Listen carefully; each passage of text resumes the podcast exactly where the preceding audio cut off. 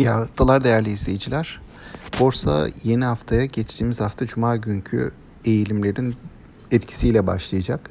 Hatırlayacak olursak endeks Cuma günü 1480 puan seviyesinin üzerine çıkmayı denemiş ancak bu seviyeden gelen satışlarla birlikte e, belirgin bir satış baskısı hissedilmişti. E, yine de e, borsanın geçtiğimiz haftayı artıda kapattığını söylemek mümkün.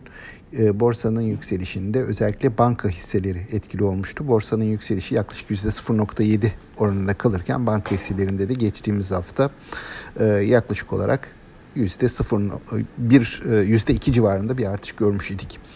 Yeni haftaya başlarken e, bu haftanın dinamiklerine baktığımızda gelecek hafta geçen haftaya kıyasla daha e, hafif bir gündem olduğunu söyleyebiliriz. Veri akışı açısından daha rahat bir hafta.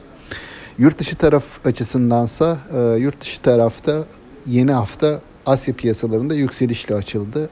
ABD piyasaları hisse senedi endeks vadelileri nispeten yatay bir seyir gösteriyor. Bizim tarafta konuşmamın başında belirttiğim e, bir baskı var. Cuma günü gözlenen bir baskı var ve bu piyasada bir geri çekilme ihtimalini gündeme getirdi. E, dolayısıyla yeni haftaya biraz temkinli başlanacağını düşünüyorum.